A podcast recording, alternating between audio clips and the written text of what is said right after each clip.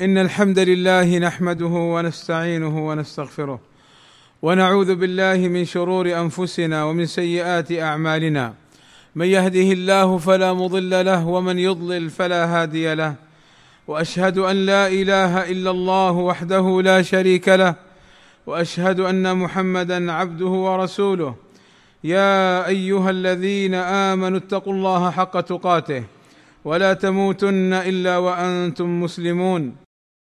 يا أيها الذين آمنوا اتقوا الله وقولوا قولا سديدا. يصلح لكم أعمالكم ويغفر لكم ذنوبكم. ومن يطع الله ورسوله فقد فاز فوزا عظيما. ألا وإن أصدق الكلام كلام الله وخير الهدى هدى محمد وشر الأمور محدثاتها وكل محدثة بدعة وكل بدعة ضلالة وكل ضلالة في النار. أما بعد فأركان الإيمان ستة. وقد بينها النبي صلى الله عليه وسلم حين سأله جبريل عليه السلام عن الإيمان بقوله فأخبرني عن الإيمان. قال أن تؤمن بالله وملائكته وكتبه ورسله واليوم الآخر وتؤمن بالقدر خيره وشره. فالركن الأول الإيمان بالله. وهو يتضمن الإيمان بأربعة أمور. الإيمان بوجود الله والإيمان بربوبية الله والإيمان بألوهية الله والإيمان بأسمائه وصفاته. فالإيمان بوجود الله هو أن تؤمن بأن الله تعالى موجود والدليل على وجوده عقلا وحسا وفطره وشرعا. فدليل العقل على وجود الله عز وجل أن نقول هذا الكون الذي نشاهده على هذا النظام البديع والذي لا يضطرب ولا يتصادم ولا يسقط بعضه بعضا بل هو في غاية ما يكون من النظام. فهل يعقل أن يكون هذا الكون العظيم بهذا النظام البديع؟ هل يعقل أن يكون خالقا لنفسه بنفسه؟ كلا لا يعقل. لأنه لا يمكن أن يكون خالقا لنفسه ولا يمكن أيضا أن يكون هذا الكون العظيم وجد صدفة لأنه على نظام بديع مضطرد لا يختلف فدل على وجود خالق له وهو الله سبحانه وتعالى. وأما الدليل الحسي فهو ما نشاهده من إجابة الدعاء فالإنسان يدعو الله ويقول يا الله فيجيب الله دعاءه. ويكشف سوءه ويحصل له المطلوب وهو إنما قال يا الله اذا هناك رب سمع دعاءه وأجابه. وأما الفطرة فإن الإنسان بطبيعته وفطرته إذا أصابه الضر قال يا الله بل حتى بعض الكفار الملحدين الذين ينكرون أن يكون للكون إلها إذا أصابه الضر بغتة يقول على فلتات لسانه يا الله. ثم الدليل الشرعي. فالله أخبرنا سبحانه وتعالى بأنه الخالق وأنه الحق سبحانه وتعالى. يا أيها الناس اعبدوا ربكم الذي خلقكم والذين من قبلكم لعلكم تتقون. وأما الركن الثاني فهو الإيمان بالملائكة. فنؤمن بالملائكة اجمالا وتفصيلا تفصيلا بما أخبرنا عنهم في كتاب ربنا وفي سنة نبينا صلى الله عليه وسلم اسما وصفة وفعلا. فقد جاءت أسماؤهم كجبريل وإسرافيل وميكائيل وجاءت أوصافهم عظمة. كما ذكر النبي صلى الله عليه وسلم وصف له بعض الملائكة من حملة العرش ما بين شحمة أذنه وعاتقه كما بين السماء والأرض. ونؤمن أيضا بأفعالهم.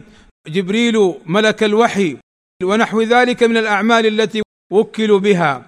والإيمان بكتب الله عز وجل.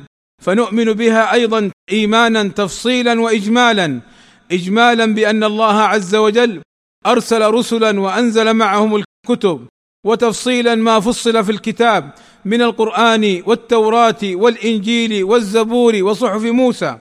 فنؤمن بها ونؤمن بأن كل هذه الكتب منسوخة إلا كتاب الله عز وجل القرآن فهو شريعة باقية إلى يوم القيامة. فلا يعني الإيمان بالتوراة والإيمان بالإنجيل أن نعمل بهما لأن الله قد أخبرنا بأنها منسوخة وأخبرنا سبحانه وتعالى بأنهم حرفوها وبدلوها فنؤمن بها بأنها حق من عند الله. والركن الرابع الإيمان بالرسل فنؤمن بهم صلوات ربي وسلامه عليهم.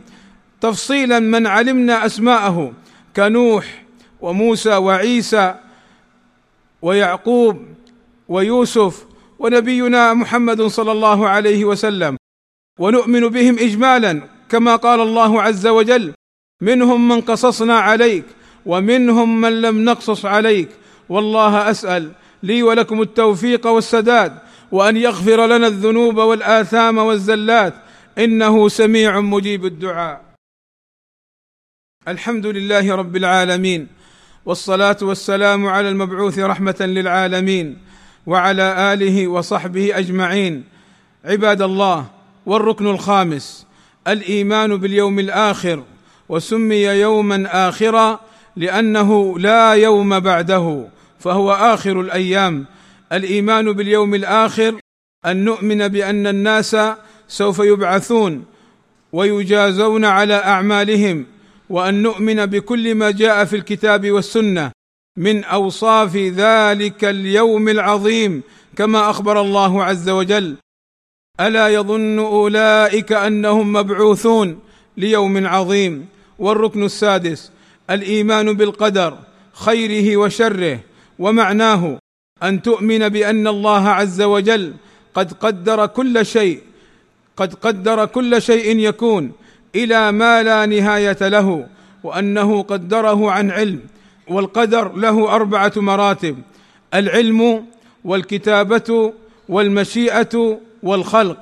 فأما العلم فأن تؤمن بأن الله عز وجل يعلم ما كان وما سيكون وما لم يكن لو كان كيف يكون وأن علمه سبحانه وتعالى محيط بكل شيء. وأما الكتابة فتؤمن بأن الله عز وجل قد كتب كل هذه الأمور. فقد قال الله عز وجل للقلم اكتب. قال وما أكتب؟ قال اكتب ما هو كائن إلى قيام الساعة. فالله عز وجل قدر الأمور وكتبها كلها سبحانه وتعالى. والمشيئة وأن تؤمن بأن الله عز وجل له مشيئة نافذة وأنه لا يكون هذا الكون إلا بمشيئة الله عز وجل. ولا تعني المشيئة أن الإنسان مجبور على هذا الأمر وإنما المشيئة أن الله عز وجل شاء هذا الأمر وقدره وأنه جعل لك يا عبد الله اختيارا وحرية الاختيار. فما فعلت من خير فلنفسك فتنجو به وما فعلت من شر فتهلك والعياذ بالله. ثم الخلق أن الله عز وجل خالق كل شيء سبحانه وتعالى وأنه المدبر لها سبحانه وتعالى. اللهم ارضى عن الخلفاء الراشدين أبي بكر وعمر وعثمان وعلي وعن جميع أصحاب رسول الله صلى الله عليه وسلم. وعنا معهم بمنك وكرمك يا أكرم الأكرمين. اللهم آتنا في الدنيا حسنة وفي الآخرة حسنة وقنا عذاب النار. اللهم وفقنا للعلم النافع والعمل الصالح واتباع سنة نبينا محمد صلى الله عليه وسلم. اللهم اغفر للمسلمين والمسلمات والمؤمنين والمؤمنات الأحياء منهم والأموات. اللهم وفق ولي أمرنا لما تحبه وترضاه. وأصلح اللهم به العباد والبلاد واحفظه اللهم من كل سوء. اللهم إنا نسألك الهدى والتقى والعفاف والغنى. وصلى الله وسلم على نبينا محمد وعلى آله وصحبه أجمعين والحمد لله رب العالمين.